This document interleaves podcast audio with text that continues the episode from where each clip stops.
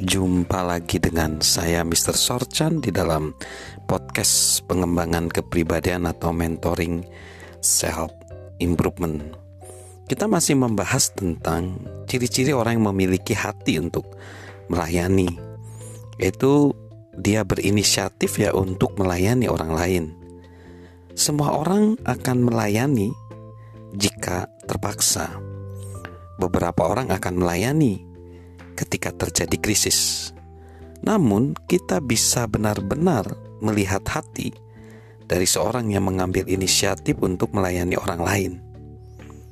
Pemimpin besar melihat kebutuhan, mencari peluang, dan melayani tanpa mengharapkan imbalan apa pun. Lalu, dia tidak mementingkan posisi Pemimpin yang melayani tidak mementingkan posisi atau jabatan.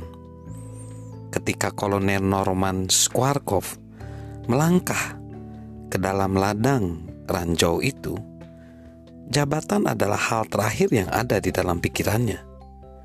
Ia adalah seorang yang berusaha membantu orang lain.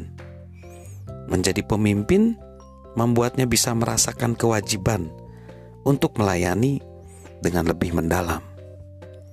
Lalu, melayani itu karena kita mengasihi sesama kita.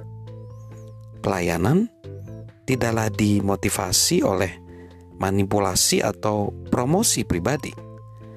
Pelayanan digerakkan oleh kasih.